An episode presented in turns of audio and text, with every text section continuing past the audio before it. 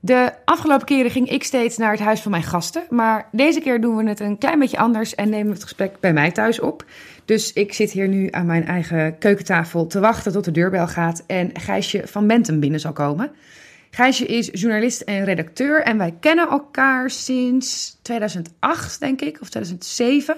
Want toen liep ik stage bij de tekstredactie van L, het tijdschrift, en zij was toen chefredactie. En vanaf het begin af aan vond ik Gijsje een van de coolste en stoerste mensen die ik ken. En dat vind ik nog steeds. Vandaag hebben we het over het overlijden van haar man en haar moeder. Haar man, Elia, overleed aan een hersentumor. En toen Gijsje en hij elkaar ontmoetten, toen was hij al ziek. En haar moeder, Kitty, overleed een paar maanden later. En ik ben benieuwd wat er gebeurt als je zo vlak na elkaar iemand verliest. Of ja, die rouwprocessen zich opstapelen, of dat dat naast elkaar bestaat. En ook hoe het is om verliefd te worden op iemand waarvan je al weet dat die binnenkort zal overlijden. Maar ook verheug ik me er gewoon op om Gijsje te zien, want ik ben erg dol op haar. Uh, dus ja, nou, ze zal hier uh, elk moment kunnen aanbellen.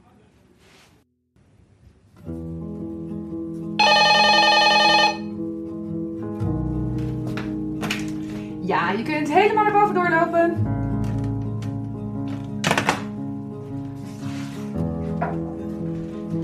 Kasteeltrap. Ja. Het is echt een kasteeltrap. Hallo. Mijn schat. Jeetje, wat heb ik je lang niet gezien. Ja, dat heb je ook huis. Dank je. Ja, dit is uh, Gezellig. bovenaan de kasteeltrap. Zo. Wil jij een kop thee? Ja, een glas water? Allebei. Allebei. Krijg je het allebei.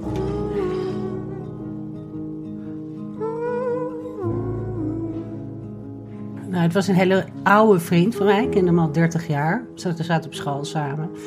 En een vriendin van mij vertelde van... ehm, ja, Elia gaat dood. En meestal duik ik weg voor dat soort dingen. Maar ik voelde een hele soort sterke aantrekkingskracht om gedachten te gaan zeggen. Terwijl je, jullie hadden geen contact meer verder. Nee, nauwelijks. Nee, nauwelijks. Ik had hem echt al, denk ik wel, acht jaar niet echt veel gesproken. Ja, het was altijd wel leuk als we elkaar tegenkwamen, maar niet echt. Dus ik dacht, ik ga afscheid nemen. Ja. En ehm, dus we hadden afgesproken op een terrasje. En eh, nou, hij kwam helemaal niet ziek over. Hij zag er gewoon blakend van gezondheid uit. En het was ontzettend gezellig. En eigenlijk op een bepaald punt dacht ik, nu kan ik nog wegrennen. Want het ging heel hard. Toen tijdens die middag al. Nee, ja, ja, toen hij daarna ging bellen, dacht ik, nee, dit gaat, dit gaat de verkeerde kant op. Mhm. Omdat er gewoon een soort van vonk was overgeslagen. En opnieuw dacht ik, nee, ik ga niet wegrennen, ik ga hier gewoon in. En ik ga dit afmaken ook. Heel, heel tegen, te- tegengesteld aan wat ik, hoe ik ben eigenlijk. En ehm, nou, want het was eigenlijk, eh, het duurde echt nog wel heel lang voordat hij echt ziek werd. Hij was niet echt ziek.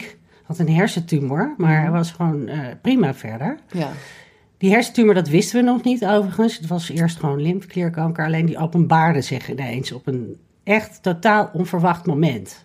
Maar je wist wel al dat hij, dat hij dood zou gaan aan dat. aan die Ja, nou, die artsen, die, die, weet je, als je, als je jong bent, hij was eh, 46, ehm, eh, kunnen ze het niet zo goed voorspellen. Ja. Ze zien wel dat het overal zit, maar ze weten niet zo goed hoe het gaat. En het was ook al een keer in remissie geweest, dus ja, je weet het niet zo goed. Nee. Hij was wel uitbehandeld, opgegeven.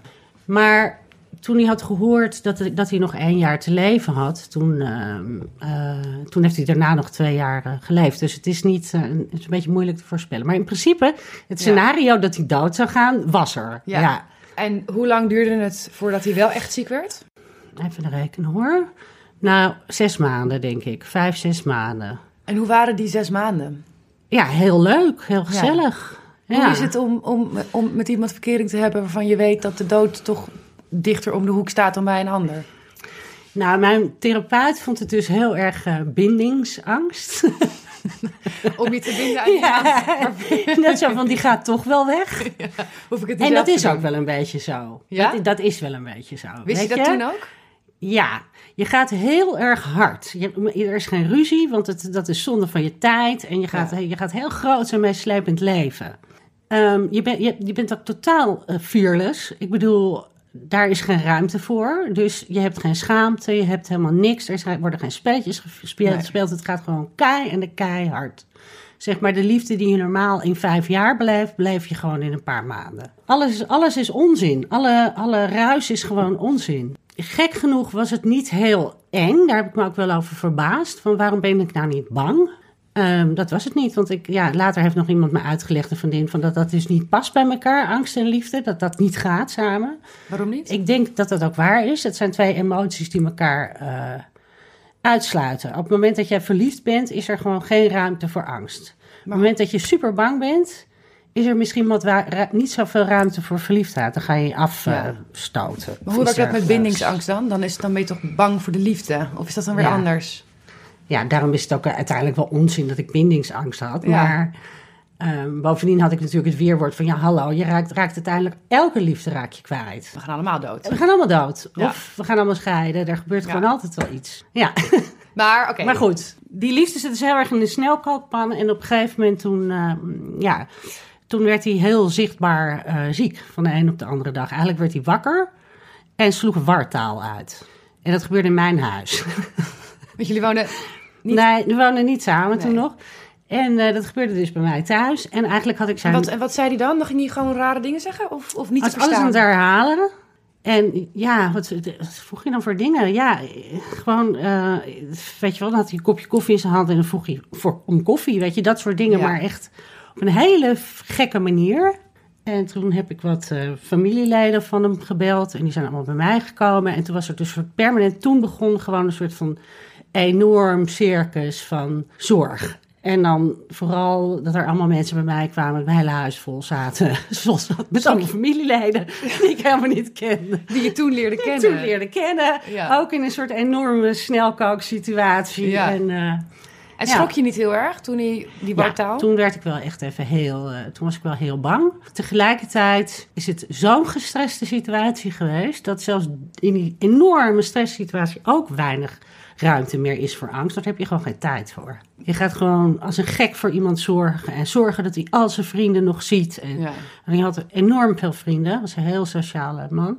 Dus ehm, ja, En, hoe, schema's gemaakt van zorg. En en hoe ging hij daarmee om? nou, hij had het dus niet door zelf. Helemaal niet. Helemaal niet. Hij, eh, hij vond het allemaal heel raar wat er om hem heen gebeurde, dat wel. En, eh, en steeds raarder. Maar hij had niet, niet door dat hij aan, aan het sterven was op dat moment. En dat kon je hem ook niet uitleggen? Of heb je niet gedaan? Nee, want hij was gewoon echt heel ver weg. Ik bedoel, om maar wat te noemen, dan ging hij wel eens naar buiten. Dat kon op het laatst echt niet meer. Dat was gewoon levensgevaarlijk. Hij liep gewoon voor alle auto's eh, en alles. Maar ehm, dan gingen we ergens koffie drinken en dan bleef hij maar afrekenen. Dus dan had hij afgerekend en dan gingen we weer naar, gingen we naar, bui- naar buiten. En dan gingen we weer naar binnen om af te Ja. rekenen. En dat Oh. ging dan 20, 30 keer achter elkaar door. Nou, op dat moment heb je dus geen... Heb je, ben je zo'n permanente staat van angst eigenlijk. Ja. Dus laat het zo stellen, of stress dat, dat je niet kunt nadenken meer. Hoe verandert dan het samen zijn? Als in, is er nog een samen zijn of word je Nee. echt helemaal zorggever en zorg? Nee, dat was er dus niet. Had wel, hij, hij zat helemaal. eh, hij heeft het zelf ook nog kinderen. En eh, wat heeft hij nog? Had hij nog meer? Een ex en, en moeder en vader natuurlijk, een broer. En eh, dat vond hij wel prima als die er waren. Maar hij was helemaal op mij gericht. Ook iets heel geks. Het was heel duidelijk dat hij heel erg veel van mij hield. En heel erg verliefd op mij was. En helemaal op mij gefocust. Maar andersom, vanuit mij, ja, ik bedoel, ik hield wel heel veel van hem, maar hij was wel in één keer heel raar. Ik bedoel, ja, ja, ja. Het is een ja heel dus ander ik kon heel, heel ander iemand. Ik kon gewoon niet echt contact met hem maken. Dus voor mij was het toen, ehm, ja, nee, dat is heel moeilijk. Dat is echt heel moeilijk. Dan lig je met iemand in bed die wel contact met jou krijgt en jij niet met hem. Dat is gewoon heel gek. En waren er momenten waarin dat af en toe wel lukte? Of was het gewoon Ja, helemaal... ja, heel soms. We hebben hem ook nog ehm, gedwongen om een soort, eh een soort zuurpaardenmiddel te geven, dexamethason. En daardoor word je in één keer helder. Een neuroloog had mij ook nog gezegd van als je bijvoorbeeld, als iemand al half in coma ligt en je wil heel graag dat hij nog afscheid van zijn kinderen neemt, dan spuiten ze dat in. En dan word je in één keer nog even helder. Heel. En heel luguber. Dat hebben we Ja. dus niet gedaan, maar wel Nee. in een soort pilvorm. En toen kwam hij weer even terug. En dit, Nou was, ja. want dit, dit kwam door de hersentumor die Dit er dus kwam door de hersentumor, Ja. ja. En hoe lang kwam je dan terug? Of hoe, wer- hoe werkt dat? Ja, het was hij een paar weken, na bijna een maand was hij oké weer. En toen eh, begon het weer. En wat hebben jullie in die maand gedaan? Getrouwd zijn we toen. Ja. ja. ja, dat was meer een, eh, eh, ja, dubbel. Het is en een, en een soort van, hoe noem je dat? Voordat iemand het eh, front opgaat. Ja, dat je voor, ja, precies. Dat je Weet niet je wel? ongehuwd het, eh, ja, de, de zoiets, zoiets. aan de andere kant had het ook een financiële reden. Want ik, was, eh, ik had mijn huis net verkocht. En ook om nog samen te kunnen reizen, maar dat kon dus niet meer. En eigenlijk was ik op papier homeless. En ik moest in zijn huis blijven. Oh ja. Dus dat was het. En kon je hem in die weken vertellen hoe het de weken daarvoor was? Ja, En wat, ja. hoe was dat? Nou, dat vond hij heel erg raar. Dat nam hij ook niet helemaal van me aan.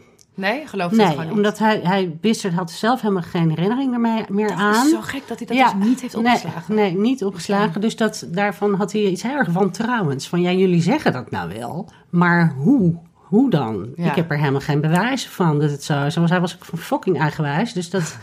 en ook toen de tweede keer het gebeurde, Ja. op een gegeven moment is die dexamethason...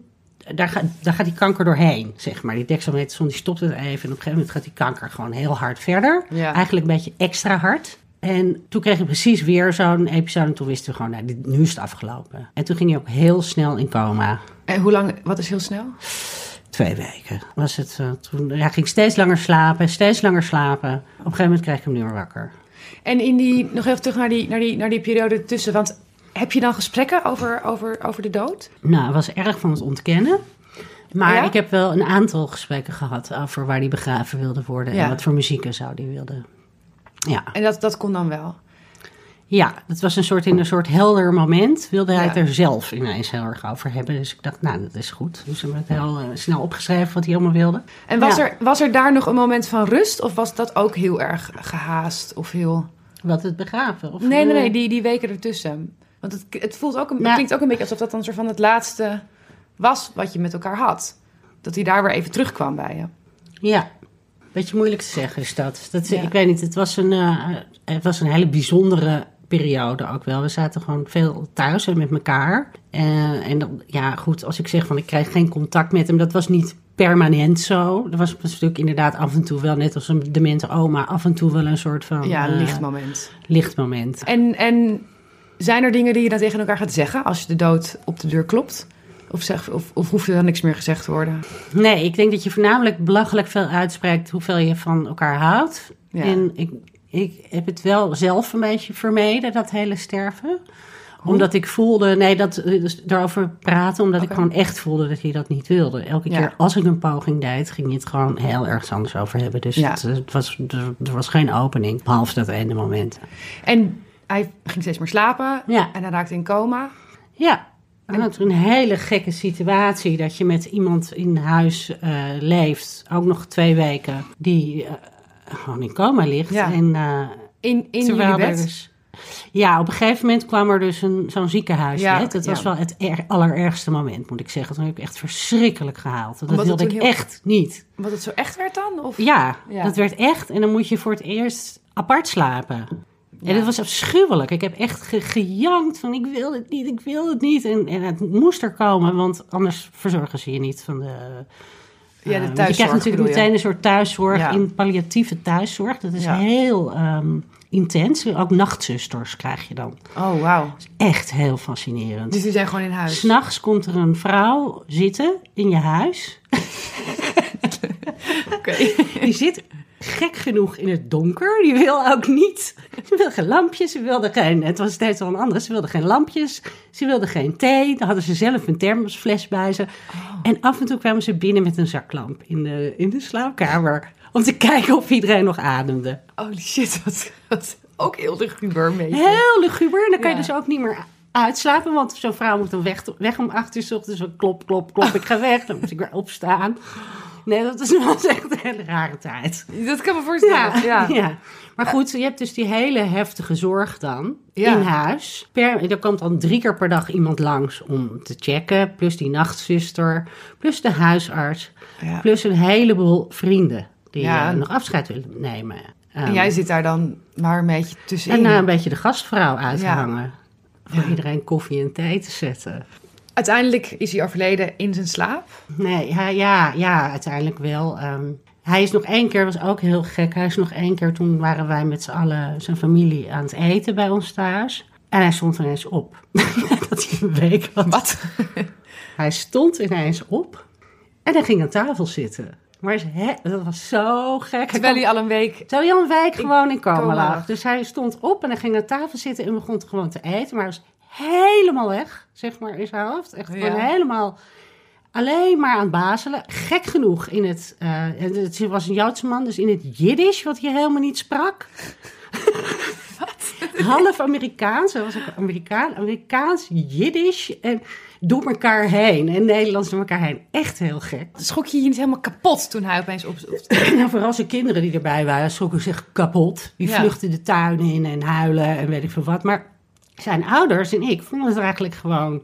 het was een soort wonder. En het was Ja. eigenlijk heel grappig. Hij was enorm grappig. het was eigenlijk heel erg leuk. En we hebben hem met z'n drieën naar bed gebracht. Nou, dat zou ik graag zeggen, en daarna heb ik hem nooit meer gesproken. Dat is niet waar. Hij is s'nachts toen die nacht nog een keer wakker geworden.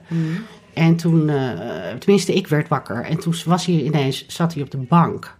En toen had hij in zijn naki een hele erg heftige paniekaanval. Was hij heel erg bang. En zat hij alleen maar van, eh, ik mis je zo, ik mis je zo. Dat is echt super naar. Daarna heb ik hem nooit meer gesproken. Dus daarna is hij gaan liggen en twee dagen later was hij dood. Ook omdat ik merkte van hij, ik zag aan zijn gezicht dat hij enorme koppijn had. Dat is echt zijn hele gezicht vertrok. En toen heb ik zelf eigenlijk tegen de huisarts gezegd... Nou, afgelopen, dit is gewoon niet meer leuk. Want toen zijn we morfine en alles eh, gaan inzetten. Dan is het een palliatieve sedatie, Ja. toch? Ja. Ja, en toen is hij gestorven echt op een hele mooie manier. Was je erbij? Ja, en eh, zijn vader ook. Eh, zijn moeder niet. Die is ook niet meer gekomen. Maar dat heeft ook met dat Joodse geloof te maken. En twee vrienden van hem. Drie vrienden volgens mij. Het was best wel een volle bak. En hoe heet het? Nou, hij stopte gewoon met ademen. Oh ja, en dat had hij me nog gezegd in die opleving over de dood. Toen hij praatte over de dood van... ik weet zeker, Gaasje, dat ik een hele mooie dood ga krijgen. Dat weet ik al mijn hele leven, zei hij. Ik ben er nergens bang voor wat dat betreft. En dat was dus zo. Hij stopte gewoon met ademen. En eh, ik heb, zijn vader had nog even op zijn borst gevoel, of aan zijn, weet je wel, die v- even gekeken of hij Ja. nog ademde. Zo. Ik had mijn hoofd op zijn borst gelegd en ik voelde zo dat hart. Zo'n hart stopt dus niet. Dat ebt langzaam weg, als een trein die weg eh, zoeft. Zo, zo doek, doek, doek, doek, steeds zachter. En toen was het stil. En hij was een heel mooi lijk. ja, hij zag er echt gewoon heel goed uit. Ja. Dan is de dood eigenlijk heel klein. Toch? Als het, Het zo... is zo raar dat het zo'n heftige eh, strijd is voor de mens. Want je ziet natuurlijk ook wel eens dieren sterven. Die hebben Ja. het echt een stuk makkelijker. Voor ons is het echt een enorme strijd. Maar als het gebeurt, dat moment is dit. Ja. Het is niks. Ja, Wat, ge- wat, was dit s'avonds of, of s'nachts? s'avonds. Ja, ja. ja. Wat, wat, wat ging je toen doen? Ja, dan, eh, dan weet je het even niet zo goed, want je hebt geen scenario liggen, zeg maar. Nee. Maar ik heb gelukkig een vriendin die is begrafenisondernemer. Dus die heb ik gebeld van wat moet ik in godsnaam doen? Ik heb Ja. er nooit over nagedacht. Nou, dan moet je eerst de, de schouwarts bellen. Je moet naar de, de huisartsenpost bellen. En dan moet je vertellen van nou, die- er is iemand overleden hier. En dan komen ze langs. En dan eh, zeggen ze niet eerst gecondoleerd. Dat is echt heel raar. Er komen dus drie mensen binnen dan, in uniform. Het is ook zo. Wij zaten inmiddels al flink aan de wijn, hè? Dat snap je. We waren echt hartstikke toeter. Snap ik, ja. er komen drie eh, geuniformde mensen binnen en eh dan heb je zo'n hand. Die gaan naar het lichaam kijken en hop, de apparaten erop. Gecondoleerd, mevrouw. En ineens Eerst even zeker ze- weten. Ja, eerst zeker weten. En dan, eh, ja, en dan gaan ze aan tafel zitten, aan de keukentafel. Dan moet je allemaal formulieren invullen. ja. Nou goed, dat duurt dus al best wel een uur. En eh, nou ja, en wij waren, zijn gewoon door gaan drinken tot 's ochtends vroeg. En toen hebben mijn beste vriendin en ik zijn gewoon ernaast gaan liggen. Niet in hetzelfde bed, want hij had dus zo'n ziekenhuisbed. Ja. Maar wij zijn gewoon nog, we hebben gewoon een nacht naast, naast het lichaam gelegen in dezelfde Ja. kamer. Best wel gek. Ondertussen, oh ja, dat was natuurlijk wel zo. Hij is eerst op een soort koeling gelegd. Ja, ze moeten nog Ze een, moeten, een, een ja, rekje. want Annemarie, vriendin van mij, die kwam dus en met haar hele gevolg, ook midden Ja. in de nacht, op een koeling, op, Ja. op zo'n koelding. Maar goed, ik was dus echt zo moe en zo kapot. En dat ding maakt herrie gewoon. Zo'n koelding la- maakt herrie. En ik was Ja. gewoon in die kamer. Ik heb gewoon midden in de nacht de stekker eruit getrokken. Ik dacht, fuck, nee. Ik ben weer verder gaan slapen. Toen kwam Annemarie de volgende dag binnen en zei, dat had je beter niet doen. Nee. Nou ja, goed. En, eh want zijn kinderen moesten natuurlijk ook nog afscheid van hem nemen. Maar ja, hij zag er prima uit nog. Ik bedoel, Ja. Het was niet heel ernstig. uurtjes. Toen kwam wel schuim uit zijn mond. Ook zo raar. Dat hebben ik en zijn beste vriend gewoon de hele tijd weg zitten poetsen. Wat, wat is dat dan? Ja, Geen idee. kan soort van wit schuim uit zijn mond. En elke keer heb ik dat, omdat hij, weet je wel, dat is een beetje een raar gezicht. Dat we weg zitten poetsen. Ja. En toen zei die vriendin, de begrafenisondernemer, van, eh, eh, was je wel je handen elke keer? Nee, ik weet niet eens wat het is. Ik bedoel, Nee. nee. Dat is dus giftig, maar er is Oh. er niks gebeurd. Dat moet je ook maar weten. Dat moet je allemaal maar ja, weten. Het is niet een boekje wat je erbij krijgt. Nee. En dan is de begrafenis geweest. De, dan, en dan, wat, En dan begint het. dan begint het Ja. inderdaad. Want dan heb je er niks meer om te doen. nee, dat zou je zelf ook wel hebben Ja, meegemaakt. Dat is, en, en dat is volgens mij Ja. ook een heel algemeen bekend ding van het zwarte gat. Hoe was dat bij jou? Ik ben er echt heel diep in gegaan. En ergens, als je me heel eerlijk vraagt, vond ik het ook wel lekker. Ja? Kijk, die stress die was gewoon weg. En eh, ik mocht gewoon helemaal doen wat ik zelf wilde.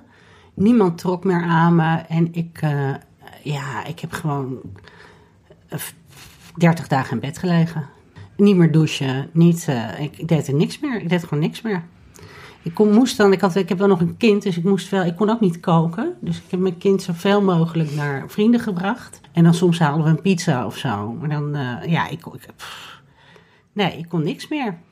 En wat, dan, wat deed ik dan? Dan lag ik in bed Ja. en dan ging ik hele zware net, films op Netflix kijken. Die nog veel erger waren dan het gevoel wat ik had. Dus 12 Years a Slave en zo. Die ik normaal helemaal niet aan kan. Dat soort films kan ik helemaal niet aan. Maar dit, dat, dat was voor mij, ik dacht echt nog een, nog zo'n vreselijke Ja. film, nog een. Ik was enorm gek aan het bingen van, met ellende. En was je aan het, aan het huilen?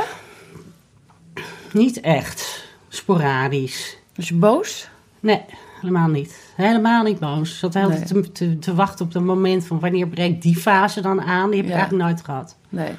Nee. En ehm, je zegt 30 dagen. Wanneer ben je uit bed gegaan? Wat? Nou, dat hele, dat Joodse geloof dus, dus zijn moeder, wat echt een tweede moeder voor mij is eh, geworden, of eigenlijk mijn nieuwe moeder. ehm, zij, eh, er, er zijn dus allemaal richtlijnen in dat in die Joodse geloof, over hoe je, hoe je het aan moet pakken, dat rouwen. Waar wij in onze maatschappij helemaal eh, geen richtlijnen voor hebben. Nee. Zij wel. Het staat allemaal opgeschreven wat je allemaal moet doen van dag tot dag. Dus eh, na derde, omdat een, een, een weduwe staat gek genoeg hoger in het verdriet. Die staat dan top 1 boven de ouders nog. Wat natuurlijk belachelijk is. Ouders die een kind verliezen. Ja. Dat is veel erg. Wat, wat- ik wist helemaal niet dat die regels überhaupt dat het, opges dat het bestond. Dat is heel, heel interessant. Ja. Zij ehm, belde me gewoon op, of ze kwam langs, dat weet ik niet meer precies. Van, en nu is het genoeg, 30 dagen, nu is het genoeg. Je moet, nu, ehm, je moet er nu uit. We gaan nu dit en dat doen. En ehm, ja, ik moest eruit. En dat was echt supergoed. En die 30 dagen ervoor, je bent echt, de, de- je hebt niet mensen ontvangen, niet niemand Nee. gezien. Nee, nou, Ilonka is nog langsgekomen met een pan eh, eten, al wel eens. Maar nee, nee het, ja, er kwamen gewoon wel eens vriendinnen langs. Maar voor de rest, ik, ik weerde dat ook wel af. Ik wilde Ja. gewoon echt heel erg graag alleen zijn. Ja, ook na een Ja. periode waarin je dat de he- Heel alleen maar mensen, mensen, mensen. Ik was er echt helemaal zat. Ja. Wat heb je gedaan die eerste dag dat je eruit Eh, we zijn samen naar de Noordermarkt gegaan, zijn moeder en ik. En het, eh, op dat moment we zaten, de- het was mooi weer, redelijk mooi weer. Het was, het was wel een soort van winterzon. En eh, ik voelde echt zo'n heerlijk soort energie in mijn blazen. Het was echt bijna een magisch moment. En sowieso, dat hele, dat magische denken is natuurlijk ook heerlijk en troostrijk. Want dat Hoe- is hoe dus ook je- die eerste 30 ja- dagen. Je ziet alleen maar lichten flikkeren. Je ziet alleen maar... Je, je, je voelt eh, aanrakingen. Je, ziet- je verbeeldt je van alles. En dat is heel troostrijk. Je verbeeldt je dat hij nog bij Ja. is. Ja. In die kalkon wil je natuurlijk ook heel graag blijven zitten. Je wil daar niet uit. Je, wil, je hebt het gevoel dat die geest daar hangt. En als je er, naar buiten gaat, dat, die, dat je die geest verraadt, als het ware. Ik heb ook wel iets heel raars, weet je wel, gehad. Dat ik hardop zei buiten, nou kom, we gaan eh, fietsen, stap maar achterop, weet je wel. Ja. Een soort van denkbeeldige vriend had ik Ja. dan de hele tijd bij me, omdat ik me anders een verrader voelde. Maar goed, na 30 dagen, toen voelde ik me ook wel voor, voor mijn schoonmoeder dus verplicht. Kijk, ik dacht, ja, jezus, als zij dit kan, als zij gewoon De leven kan de leven kan oppakken, dan kan ik het ook gewoon. Ja. En dat, ja, dat lukte dus ook wonderwel. Maar hoe lukt dat dan? Ja, ik heb gewoon heel veel met, met haar gedaan. En ik, eh, je, moest, je moet dan volgens de Joodse richtlijnen... Ik weet het jammer genoeg niet allemaal precies meer, maar dat zou je kunnen nazoeken. Zo moest ik naar, op een gegeven moment op dag, weet ik veel, 61 bij wijze van spreken... moest ik naar het graf om daar wat op te zeggen. Ja. En dan eh, niet, de, niet, een niet soort van ingewikkelde gebeden die ik niet, zelf niet volgde, maar gewoon eh, uitspreken wat de plannen zijn. Van nu, eh, eh, nu, nu ben ik er overheen in zoverre, nu staat het leven weer voorop. En eh, ja, wint te leven het van de dood. Dat moet je dan hardop gaan uitspreken. Mooi dit. Ik vind Ja. het echt Nou, en dan geef je wat te doen aan Ja. zo'n graf. Ja. Want wat doe je anders? Nou ja, vandaag is toevallig de, de verjaardag van Renate. Ah ja. En we zijn dus vanmorgen naar het graf gegaan. En dan, dan denk ik ook altijd, ja, wat, wat doe je hier dan? Wat doe je dan? Dan zit je moet toch je een beetje... En nu we het over begraaf, Ja. hebben, want jouw vader Ja. ligt toevallig drie graven naast Ja, mijn moeder. Ja. Hartstikke gezellig. Inmiddels ligt dus mijn moeder dus ook verderop, iets verderop. Dus Oh, ja? liggen allemaal in. Het- Elia ligt ook vlakbij. In hetzelfde laantje. nee, li- mijn moeder ligt iets verder, maar ze liggen allemaal in één lijn. Zeg maar. Als er ondergrondse stelsel, dan zouden ze er zo zijn. Oh, wat gezellig. dus inderdaad, dan ga ik bij jouw moeder altijd even ja. kijken. Ja, wij lopen altijd langs Rick. Ja, precies. Ja. En toen zagen we dat het zeiltje wat scheef stond. of Ja, die heb ik dus weer recht Ja. laten zetten, dat zeiltje. Dat doen ze dan gewoon. Ja, nu Eh, hangt er weer een of andere bossage overheen, die ik stiekem moet gaan snoeien. Oh, ja, goed. Ga je vaak naar het graf? Naar een van de Ik ben nou toevallig een jaar niet geweest. Nou, dat is niet toevallig. Ik wilde het gewoon niet meer. Ik ben in het begin heel veel geweest. Ook Wa- mijn eigen verjaardag en zo, dat soort trieste dingen. Nou ja, triest. Ja, ik bedoel, er is toch wel wat beters te doen dan naar zorgvliet. Op een gegeven... Nou, weet je wat het is? Ik denk ook, om het begin toch wel eng is om naar buiten te gaan. Niet eh, letterlijk ook dat je gewoon mensen tegenkomt die er de Ja. hele tijd naar vragen. Ja, En het zorgvliet is wel prachtig en stil. ja, Het is een hele veilige omgeving om rond te wandelen. ja. Dus dat, dat, dat voelde gewoon op een gegeven moment echt als thuis. En op een gegeven moment moest ik daar echt wel mee breken. Waarom moest je daarmee breken? Omdat ik het niet gezond vond. Ik was daar echt veel. Ik was er zeg maar drie keer in de week.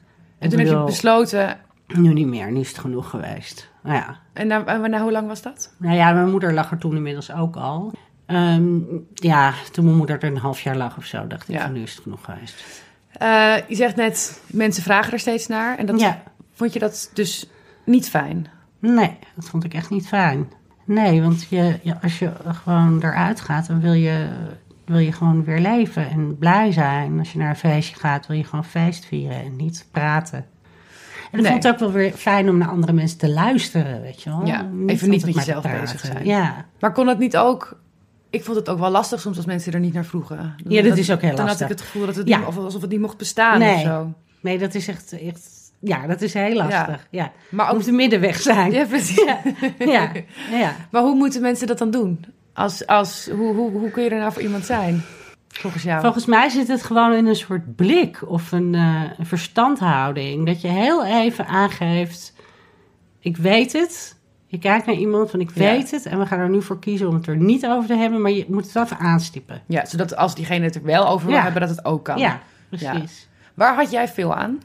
Behalve deze blik, maar waren er andere dingen? Waar had ik veel aan? Nou, de vrienden van Elia waren wel heel, ehm, heel bijzonder eh, leuk. Die hebben me wel helemaal in hun vriendengroep opgenomen. En dat, dat was, vond ik wel heel bijzonder. En ze hebben me ook heel veel gezegd van hoe tof het was dat ik er was. En hoe, Ja. hoe, hoe fijn eigenlijk Heerlijk ook. voor jou om Ja, te horen. ik Ja. werd, werd er echt als een soort van engel eh, binnengehaald. En het zijn mijn, mijn schoonmoeder, ehm, die Amerikaans is ook. Dat, oh, Gijsje, you're the angel of unsuffering. Spirituele gekke vrouw maar dat is wel, wel heel fijn. Dat, dat, eh, dat het zo enorm erkend werd. Heb je bepaalde dingen gelezen of, of, of, of gekeken, behalve dus die enge films, maar of die zware films? Nou, ik, ik, eh, ik vond het gebrek daaraan nogal stuitend. Toevallig stond er een boekje in de kast over eh, pijn en verlies, waar ik wel wat aan heb gehad. Wat boekje was dat? Ja, dat weet ik dus niet meer zo goed. Ik heb het ook aan een vriend van hem gegeven, die vond het ook een goed boekje. Dat ging vooral over dat je het ook weer dat je het moet oppakken en niet. eh, er zijn allerlei vormen waar je erin kunt blijven hangen. Je kunt heel erg in het slachtofferschap blijven hangen. En, eh, Ja. Weet je, dus dat was een goed boekje. Maar en voor de rest ging ik wel eens op forums kijken. Er zijn van forums voor weduwen en uh, weduwnaars. Dat zijn grote platforms. En daar ging ik dan ook advies geven en zo. Dat vond ik lekker. En wat voor advies haalde je daar zelf? Nou ja, iets heel raars. Misschien niet helemaal geschikt voor zo'n gesprek. Maar om maar wat te noemen. Ik ben de laatste dag dat ik ongesteld was, was toen hij stierf. Ja. En um, ik ging dat aan, aan mijn huisarts vragen. Die had er nog nooit voor gehoord. Dus bijvoorbeeld, dan postte ik zo'n vraag op zo'n forum van... Hallo, hebben jullie dat ook eh, wel eens gehad gewoon? Dat je menstruatie stopt. Ja. Nou, elke weduwe ongeveer heeft dat precies hetzelfde. Het komt echter wel vaak weer terug. Maar je lichaam ligt stil een half ja, jaar. Je lichaam is gewoon in shock Je lichaam is helemaal in shock. Waren er andere fysieke dingen die je merkte, waarin de rouw zich manifesteerde? Nee, niet bij uh, Elia, wel bij mijn moeder. Want je moeder overleed best wel snel daarna. Ja, dit was eigenlijk best. Uh, um, ik was eigenlijk net opgekrabbeld. Want Elia overleed in oktober en je moeder in maart. Dus vijf maanden later. En je moeder was niet ziek? Nee, mijn moeder kreeg een hersenbloeding en die was, uh, dat heeft ook nog wel een week in het ziekenhuis gelegen. Maar uh, dat is snel afgelopen. Het kwam, Dat kwam vrij plotseling. Het kwam heel plotseling, ja. Ja. En je zegt, ik ben net opgekrabbeld? Ik was net een beetje opgekrabbeld. Ik was naar Zuid-Afrika gegaan met, zijn, met kinderen van Elia en met mijn kind. Dat was echt super leuk. En daarna voelden we ons allemaal weer super sterk en lekker. En uh, nou, toen viel mijn moeder dood neer. Ja. ik, ik, had ook nog een, een boekcontract in die, in die tijd om een verhaal te schrijven over Elia. Ja. Had, ik, had ik gewoon getekend. En ook zo kut. Ik zat echt net oh, van, oké, ik ga lekker een boek We gaan het doen, we gaan het leven. Doen. Ja. En uh, nou ja, toen, toen, ging mijn moeder dus dood. Wat voor relatie had je met je moeder? Uh, ingewikkeld, heel intens, maar wel ingewikkeld. Um, ja, ze dronk veel, dus dat was uh, lastig. Ze was ja. heel, heel, heel, erg extrovert en ik ben introvert, dus het was een botsing, vaak. Maar jullie spraken elkaar maar wel we hielden wel heel veel van elkaar. Ja, ja ze spraken elkaar heel vaak. En op het laatste belde ze ook echt... Uh, ze was niet helemaal helder meer. Dat moet er even bij gezegd worden. Ze belde echt bijvoorbeeld tien keer per dag om te vragen wie de mol was. En uh, ja... Belangrijke dingen. Heel belangrijk. Maar was ze aan het ehm, dementeren? Of? Ja, ze was lang aan het dementeren oh. al. En uh, wil je dat ook allemaal weten? Ja. ja? Weet ik niet.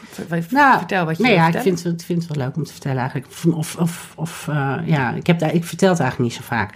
Nee. Mijn moeder was eigenlijk al zeven jaar uh, niet helemaal oké meer. Maar ze was een actrice, dus uh, het mocht eigenlijk, eigenlijk mochten wij nooit de vuile was buiten hangen. Alles was altijd, nee, we mochten het nooit ergens over hebben. Want stel je voor dat de bladen erachter komen. Nou, um, dus bovendien kon ze het zelf heel erg goed verbergen. Maar op een gegeven moment ga je het wel merken. En alleen haar beste vriend en ik zagen het gewoon en de rest. Ik heb wel vaak hulp gevraagd bij mensen die zagen het niet. Mm Maar die werd steeds erger en erger en erger en erger. Op een gegeven moment um, ging ze toch mee akkoord om, uh, om naar het ziekenhuis te gaan, naar zo'n geriatrisch onderzoek. En dat was echt hilarisch. Dat was veel erger dan we dachten.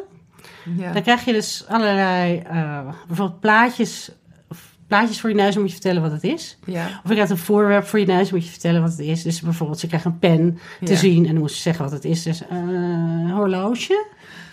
ja, dan moest ze bijvoorbeeld uh, alle dieren opnoemen die ze wist in een minuut. En dan ging het dus uh, poes. En dan helemaal aan het einde van de minuut. Gijs, lapjeskat, telt dat ook?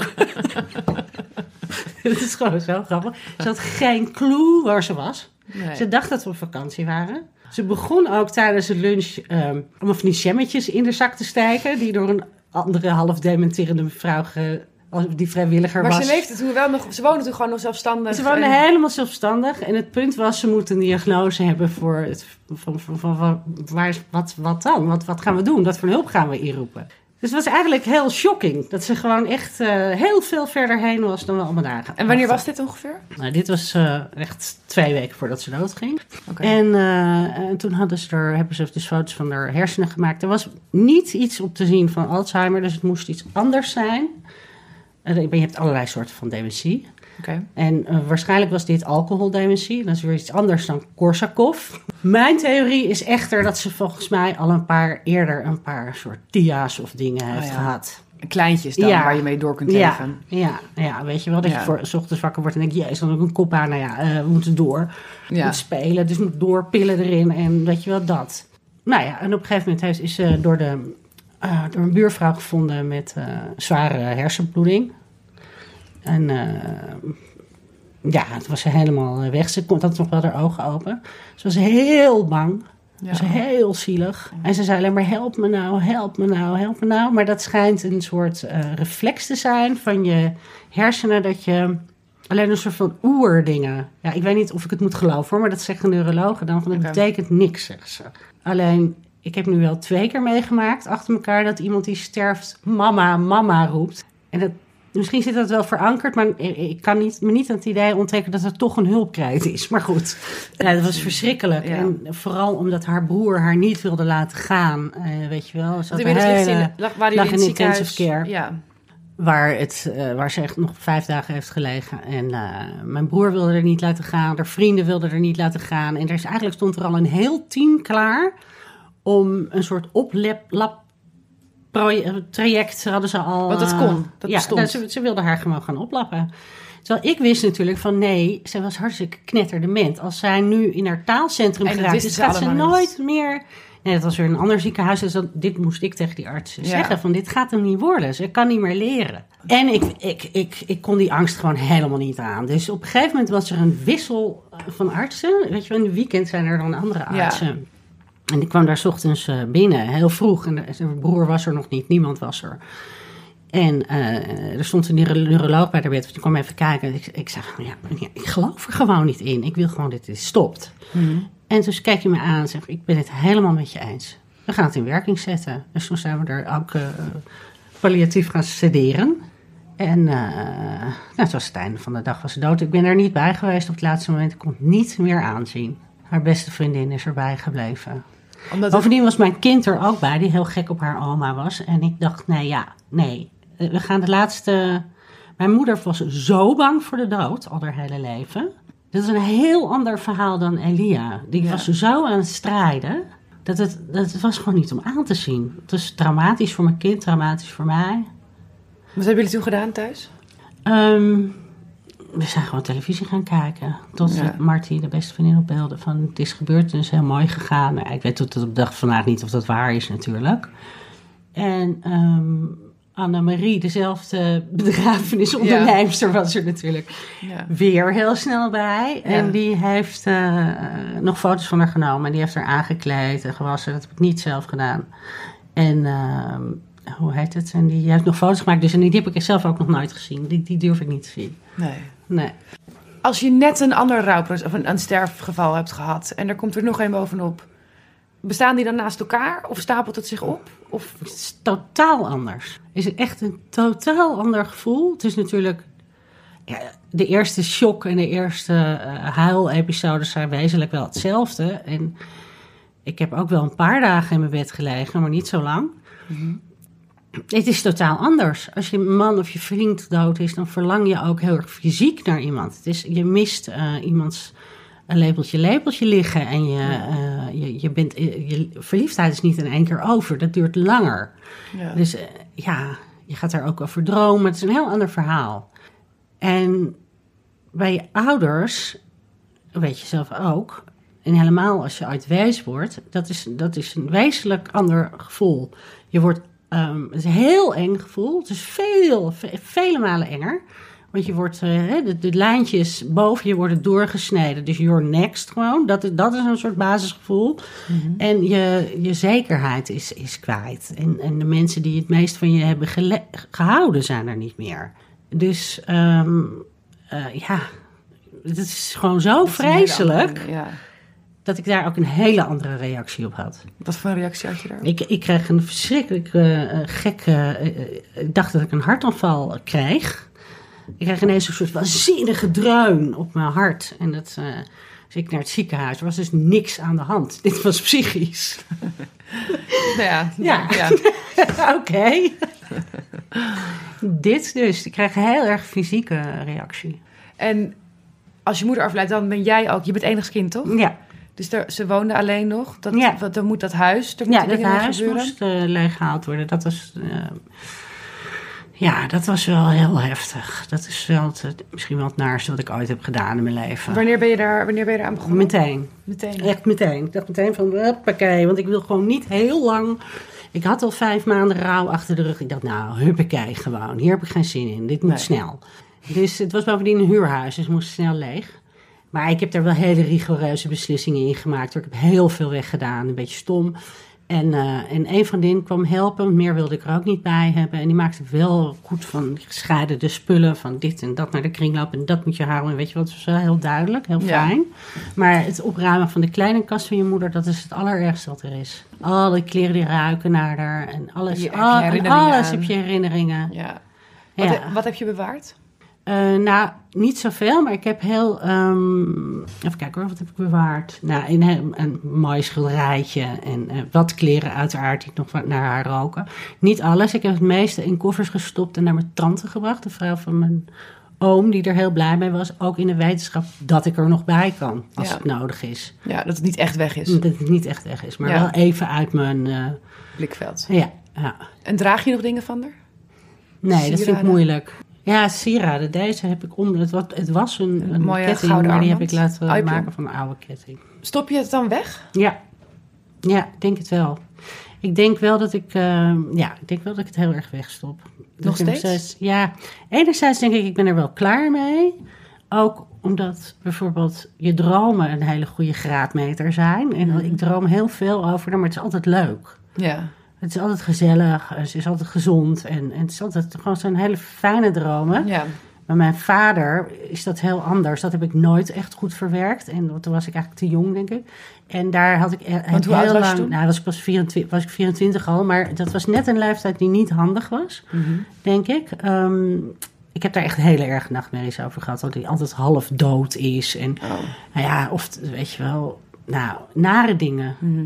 Maar eh, nee, dit, dit is aan, dus aan die kant denk ik dat ik er wel goed doorheen ben, mijn moeder. Maar ik, ik kan heel, ik, ik heb natuurlijk stapels films met haar erin. Ik heb nog nooit iets teruggekeken. Ik kan het, ik, ik vermijd het. Dus Ja. ik ben er waarschijnlijk niet, niet helemaal mee klaar. Is dat anders dan met Elia? Vermijd je dat ook? Of is dat... Nee, dat Nee. is, eh, daar durf ik echt oprecht van te zetten, zeggen, dat is klaar. Dat, is, dat heb ik heel goed verwerkt door heel diep erin te duiken. Dat is Ja. gewoon klaar. En het heel erg te voelen. En het heel erg te voelen en heel erg de drama op te zoeken. Als je, en dat herkende ik wel van toen mijn vader eh, stierf. Ik was toen een jaar in shock echt. En volgens mij ben ik dat met mijn moeder ook geweest. Dan was ik gewoon een jaar in shock. En pas na een jaar kon ik echt huilen. Ja. Ben ik ook echt mega ingestort. Volgens mij had jij dat ook met Renate, toch? Eh, bij mij kwam het wel eerder dan een jaar. Oké. Ja, dat kwam, eh, ik denk na een maand of twee ongeveer. Een Ja. maand. Zoiets. Toen, eh, dus de, de donkere zomer van 2018, Ja. eh, dat, was, dat was bij mij het moeilijkst. Ja. Maar ik denk niet dat ik het echt heb weggestopt. Maar ik denk ook niet dat ik het genoeg heb gevoeld. Nee, Dat heb ik wel, dat idee heb ik soms wel. ja. Ik weet niet zo goed waarom, maar dat... Soms denk ik, ja, waar zit het dan nu? Maar daar is nu ook nog een verschil in, volgens mij. Want een ouder of een ouderfiguur, nou, nou, uitleggen, die zit ook gewoon echt in je Ja. of zo. Ja, dat klopt. Dus ja. die gaan eigenlijk nooit echt dood. En dat klinkt heel debiel, maar je, ik Ja, kan dat- hele gesprekken met mijn moeder voeren. ja, dat wil ik vragen. Hoor je ze nog? Nee, ja. nee, ik hoor ze natuurlijk niet letterlijk, niet als een stem. Nee, maar wel... maar ik kan wel discussies Ja, maar dat voeren. bedoel ik. Dan, ja. dan hoor je ze. Je hoort hun, Ja, hun ik hoor hun stem, zeg commentaar. maar. Ja, precies. Ja. dat moet je niet doen of dat is leuk, weet je. Dat, hoor je wel in fijn? jezelf. Ja, vind ik heel leuk, ja. Ja. ja. dat vind ik wel heel tof. Maar op die manier gaat dus een ouderfiguur zeker nooit echt weg. Die blijft gewoon in je zitten. En, en misschien blok, is dat dus ook dan heel moeilijk om zo'n dood echt te voelen. Ja. Ja, ik, soms heb ik het idee dat het gewoon te veel van me afglijdt. Wat Ja. niet zo is, want ik ben er, ik ben er echt kapot geweest. En echt, Ja. ook wel echt die, die dagelijkse rouw en vergeetachtig en moe. Ja. En, en, maar ik heb nu, denk ik, Mhm. allemaal voorbij. Ja. En dat is niet zo, want het zit Nee. er echt nog wel. Maar ik denk dat ik er soms gewoon niet genoeg bij kom. Nee. Dat dat, dat, dat Nee. iets is dat ik... Ik heb ook in deze serie met eh, eh, een Gijs gepraat, een jonge Gijs. Ja. en die zei eh, dat hij dat wel herkende en dat hij ook zei dat, hij het, dat het makkelijker is om, het, om er gewoon heel erg over te praten en om het een plek te geven, maar om het echt daadwerkelijk nog te voelen en bij je te dragen, dat is heel moeilijk. En, Ik denk dat je het hebt verwerkt, nou ja, verwerkt, voor zover dat kan. Ja. Ik denk dat je heel ver bent gegaan en toen je in die warrige periode was. Alleen misschien, de, eh, weet je wel, omdat je zo warrig was, dat je Ja. het niet meer zo goed ja, dat je weet. bewust hebt dat het niet bewust... Ehm, wat is ja. verwerken eigenlijk? Eh, Ja, ik heb geen, geen idee. Er moet Nee. gewoon tijd overheen gaan, toch? En op een gegeven moment is het gevoel van dat het klaar is. Is het, is het Ik klaar? heb bij Elia het gevoel dat het echt klaar is. En mijn moeder, ja, nou, Ligt anders dus. ja, dat ligt Ja. dus anders. Deels wel, deels niet. Maar die, dat verwaarde, daar wil ik nog even iets over kwijt. Vertel. Want wat dat is wel super herkenbaar natuurlijk. Ik weet niet hoeveel vliegtuigen ik heb gemist, gewoon in dat jaar, serieus. Dat ik niet goed had gekeken. Ja. Of dat ik bij een verkeerde gate stond. Maar dat ik bijvoorbeeld ook totaal random ineens bij de tandarts zat. Van, je had een afspraak. Nee hoor, u heeft helemaal geen afspraak. Weet je, dat soort dingen de hele tijd. Op een gegeven moment werd het, Makend. werd het gewoon lachwekkend. Ja. Toen ik weer de zesde keer bij die tandarts zat, moest ze gewoon echt lachen. Mevrouw, wat doet hij hier nou weer? Zo bizar. Ja, ja nee, dat, dat, dat vond ik het niet het zwaarst, maar wel, ik, vond dat, ik had het hier gisteren met Friso over, die zit ook, Ja. is ook in de aflevering. Eh, en die ging op een gegeven moment lijstjes bijhouden met de gesprekken die hij had gevoerd, omdat hij gewoon niets meer kon onthouden. Nee, precies, dat. Dat herkende ik ook heel erg, dat ik Ja. gewoon, Niks meer. Ik kon ook niet meer. Dat was anders met bijvoorbeeld Elia. Ik kon met mijn moeder. Ik kon bijvoorbeeld niet meer Netflixen. Want ik moest de, he- moest de hele tijd terug, ja, dat je het verhaal, de Ja. verhaallijn niet kon volgen. Geen idee. Ja. Ik ben ook helemaal doorgecheckt. Bloed, alles. Ik was echt de gezondste mens op papier. Ja. Maar ik voelde me ook zo waardeloos. Ja, echt waardeloos. En, en, oh, Ik heb ook wel eens gehad dat ik naar mijn armen kijk en dacht van... Zijn dit mijn armen? What the Ja. fuck? Weet je, echt heel erg raar. Het is Ja. gewoon knettergek. Ja, je, bent, je wordt echt een beetje knettergek. Ik, had ook, ik heb ook- een tijdje gehad inderdaad dat ik de hele tijd het gevoel had dat ik onder een glazen stolp Ja, dat. liep. Ja, dat. En ik was er wel bij en ik was gewoon onderdeel van de wereld, maar ik zat echt ergens anders. En mensen konden ook niet bij mij komen en ik kon niet bij hun Nee. komen. En ik wilde wel naar hun, maar het lukte me niet. En ja, dat, dat was ook heel gek. Dat En, is heel beangstigend ook wel, hè? ja, en heel eenzaam Heel vond eenzaam, ik dat. ja. En ik kon het niet aan mensen uitleggen. En ik heb ook wel... Ik heb niet letterlijk 30 dagen in bed gelegen, maar ik, ik ben wel iemand die zich terug, terugtrekt als Mhm. het niet goed gaat. Dus ik heb heel veel ook alleen hier op de, op de bank met de kat genetflixt. Ja, ja. En ehm, ik vind dat hele, daar hadden we het volgens mij voordat we opnamen al even over, dat het rouw komt in fases. Mhm. Dat was bij mij wel echt zo. Ik weet niet of het de zeven fasen waren, maar ik had Ja. wel zelf heel duidelijk fases. Van eerst een maand dat ik dacht, nou, niks aan het handje. Dit valt eigenlijk Ja, hartstikke mee. Toen kwam wel die klap. Toen was het drie maanden heel warrig en moe. En, en. Uiteindelijk ging het bij mij over in een soort totale onverschilligheid, depressie. Dat ik echt dacht, Ja, dat, dat, Waarom dat ik ook heel erg doen we dit op aard? Dat Ja. vond ik het allerergste. En ik had al- maar echt, Ja. dacht, wat doen we hier? Ja. We we gaan allemaal dood, who cares? En, ja, dat is heel erg herkenbaar. en ik dacht echt, het heeft geen zin meer. Ik, wel, ik werd 30 die zomer en oh ja, dat is ook een leuk moment. Ja, een crisismoment. totaal dacht ik, ja, het heeft helemaal geen zin. Iedereen in de media werkt is jonger dan ik. Eh, Ja. Wat maakt het uit? Het is al klaar, het is voorbij. Ik heb het helemaal geen zin om nog mijn best te doen. Nee. En om me heen had, was iedereen een carrière aan het maken. En ik dacht, waar, waarom probeer je zo hard? Het heeft geen zin. Nee. doesn't matter. Ja. Dat vond ik het ergst. En dat duurt ook het langst. Ja, Ja, het duurde heel lang. ja. Had jij dat ook? Heel herkenbaar. Ja, Ja. heel erg. En ik heb het op een gegeven moment ehm, gewoon een antidepressivum bijgenomen, omdat het te lang duurde. Ja. Ik zag echt nergens meer het nut van in. Ja. Ik zag nergens, eh, ik zag het kleine geluk niet meer Nee. op straat, nergens meer. Weet je wel, Nee. normaal kun je genieten van een zonnestraal, maar echt, Ja. pff, interesseerde me allemaal helemaal niks. Ik was ook heel cynisch en grimmig, denk ik. Ja, ja had ik ook. En heel, ehm, ik voelde niets meer. Geen woede, geen verdriet. Geen, Ik had geen zin om dingen te doen, maar ik had ook geen zin om niks te doen. Ik, en ik heb ook op een gegeven moment gedacht, dit lukt me niet in mijn eentje. Ik kom Nee. hier niet uit. En ik ben toen Nee. op reis gegaan. En ik zou anderhalf maand op reis gaan om een Ja. boek te gaan schrijven. En toen dacht ik, als ik terugkom van die reis en ik ben nog steeds zo, dan ga ik stappen ondernemen Ja. naar een psycholoog, psychiater, Ja. whatever it's gonna be. Maar dit, dit hou ik niet vol. Nee. Nog een jaar. En die reis heeft mij heel erg geholpen. Ik weet nog dat ik eh, in de we- vierde week of zo onder de douche stond. En eh, ik ging naar Indonesië onder andere. Hmm. En, en dat ik opeens stond mee te bouncen een beetje op een liedje op de radio. En eh, onmiddellijk realiseerde ik me dat dat het eerste moment was in bijna een jaar van een soort onbezorgde vrolijkheid. En toen moest ik heel erg huilen. En toen dacht Ja. ik, oh, zo Ja. voelde dit. Ik was, het, ik was het vergeten. En ik was ook ja. echt vergeten hoe het was om gewoon achterloos iets te doen. Maar maf hè, dat dat moment dus niet geleidelijk gaat, want dat herken ik namelijk ook, maar als een soort blikseminslag. Een totale Ja, blikseminslag. Een omgekeerde man dat met de hamer. twee keer, één keer met Elia dus gehad en één keer met mijn moeder. Totaal bam en dan Ja. ben je er weer. Wat waren die momenten? Nou ja, met Elia stond ik op een gegeven moment thuis en ik voelde zo ineens een soort van mijn longen open gaan, letterlijk. En ik dacht, wat, wat, wat gebeurt me nu gewoon? En ik was weer vrolijk. Ja. En met mijn moeder ehm, moest daar ook een reis aan vooraf gaan. Ook Indonesië toevallig. Misschien wel nog een tip. Een tip. En mijn stiefmoeder heeft een heel groot mooi huis aan het strand. En die had me uitgenodigd om deze ellende te gaan verwerken. Ja. En die had elke dag massages voor me geregeld. Gewoon allemaal in haar huis. En voor de rest Ja. ben ik echt bijna niet buiten geweest. Alleen maar wandelen op het strand en zo. Maar Ja. alleen maar gewoon verzorgd. En healers kwamen er langs Ja. en zo. Best wel freaky mensen ook. Maar nou ja, dat is op zich een tip natuurlijk. Op zich wel. Want je bent heel erg geneigd om terug te trekken. Maar eh, zo'n massage Maar daar was toen, goed. Dat was, Gewoon was het op de massagetafel? mensen. Ja. Dat je moment dat daar het moment kwam dat je Nee, weer... dat- het was later. Toen zat ik op een gegeven moment met haar ergens in een... eh waren we naar een restaurant. En, eh, en ineens zag ik weer dat alles heel mooi was daar. ja. Gek Ja, is dat. ja. Ik heb eigenlijk, nu, dit, nu ik dit met jou bespreek, nooit gerealiseerd dat het inderdaad opmerkelijk is. Dat het in zo'n eens zo'n klap komt. Echt, een- echt een klap. Ja, en dat was het echt. En dat Ja. heeft iets heel magisch, vond ik.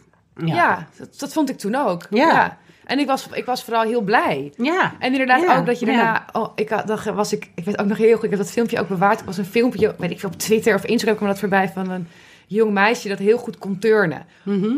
Huilen. Om alles moest ik huilen, eh, omdat ik alles zo mooi vond. Door een hele grote MDMA-trip werd het daarna. Dat ik ja, bij alles ja, dacht, dit is het mooiste wat ik ooit heb gezien. En alsof je eindelijk weer je gevoel terug hebt. Ja. En weer het, mooie in de wereld ziet. En inderdaad het klein geluk. Ja. En, eh, ja, gek is dat. Maar dat zeg ik. Ik zeg dat ook wel vaak tegen mensen Ja. die iemand hebben verloren. Van, wacht maar. Ja. Want op een gegeven moment, ik ga niet zeggen alles komt goed. Maar op een gegeven moment krijg je dus een soort van blikseminslag. En dan deuk je weer En terug. kan je weer ademen en kan je weer, Ja. weer, weer de mooie dingen zien. Dat gebeurt gewoon. En waar gaat het verdriet dan heen? Of, het, of de rouw? Waar, waar blijft dat? Nou, in ieder geval van Elia was het gewoon echt weg. En kon ik daarna echt ehm, heel erg genieten van eh, herinneringen. En je moeder? En bij mijn moeder heeft het nog, dat, dat, dat heeft nog lang geduurd. Maar goed, toen kon ik dus weer, weer eh, genieten, zeg maar. Of kon wel weer mooie dingen zien. Alleen die warrigheid werd steeds erger. Het was, dat was toen nog niet weg. En het werd heel, heel erg dat ik op een gegeven moment niet meer kon lezen. Helemaal letterlijk niet meer. Ik kon niet meer... ehm, Zinnen, eh, woorden aan ik elkaar kon de, de, de, eh, de menukaart niet meer lezen, om maar wat te noemen. Ik wist gewoon niet wat er stond. En soms, als mensen tegen me praten, wist ik niet welke taal het was. Terwijl ze gewoon Nederlands tegen me praten. Toen bleek het, bleek het eh, toen ben ik allemaal naar artsen gegaan en zo. Toen bleek dat mijn hormonen compleet uit balans waren. En ehm, toen heb ik dus allemaal hormoontherapie dingen gekregen. En toen was het wel, eh, na vier maanden voelde ik me verbijsterend helder ineens weer. Maar goed, dat is dus ook Ja. aan de hand met die warrigheid. Er, er gebeurt van alles fysiek wat je niet Ja. doorhebt. Eh, Je oestrogeen daalt gewoon in een heel hoog tempo als je moe bent en, en dingen. En dat, is, dat, ja. en dat maakt het gewoon niet beter. Moet je nog vaak huilen? Nee. Ja, wel om films, maar niet... ja, maar eh, nee, maar om hun. nee. Mis je Nee. dat? Ja, soms wel. Soms wel, ja, ja. ja. Want ik, het is Achteraf is zo'n cocoon situatie. Kijk, dat, die hele grimmigheid, dat hele depressieve, dat zou ik nooit meer terug willen in mijn Nee. leven.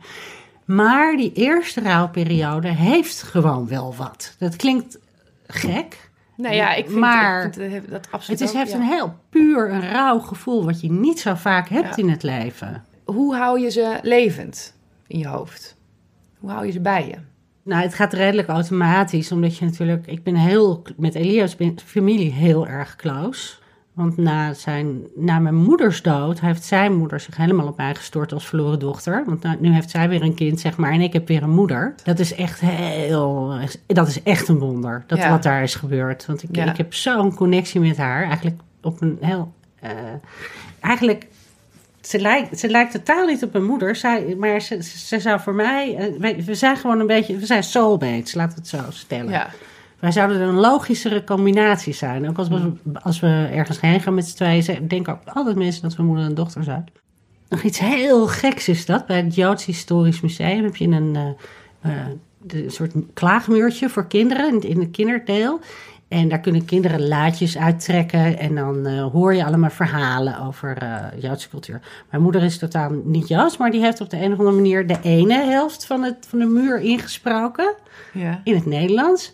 En Jen, mijn schoonmoeder, die Amerikaans heeft het Engelse deel ingesproken. Puur toeval. Puur toeval. Is toch heel gek, dat soort dingen? Dat is heel eng bijna. Dat vinden ze dus, dat is echt heel eng eigenlijk. Ja. Dat vinden ze, ik ga dus soms, nou ja, hoe hou je ze levend? Ik ga soms zelfs in mijn eentje naar, ehm naar Joutsi Stories om eh, bij die muur te gaan zitten. En dan luister ik het af.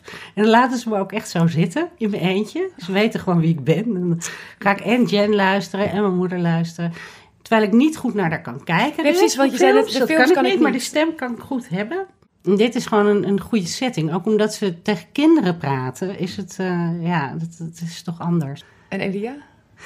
Elia, ja, dat is eigenlijk ook een, ja, die, nou ja, zijn kinderen ga ik veel mee om. En zijn, eh, nou ja, die, die, zijn foto's hangen daar, maar meer doe ik er eigenlijk niet aan. Nee. Soms heb ik wel eens dat, dat ik een soort van gesprekje in mijn hoofd eh, krijg. Het gaat automatisch, Ja. eigenlijk, hoe je iemand levend houdt. Ja. Kijk, in het begin ehm, hou je heel erg aan herinneringen vast omdat je bang bent ze te vergeten. Dan komt er een moment dat je ze vergeet en dan word je heel, heel verdrietig daarover dat dat Ja. weer weggaat. En op een gegeven moment is die fase ook weer over.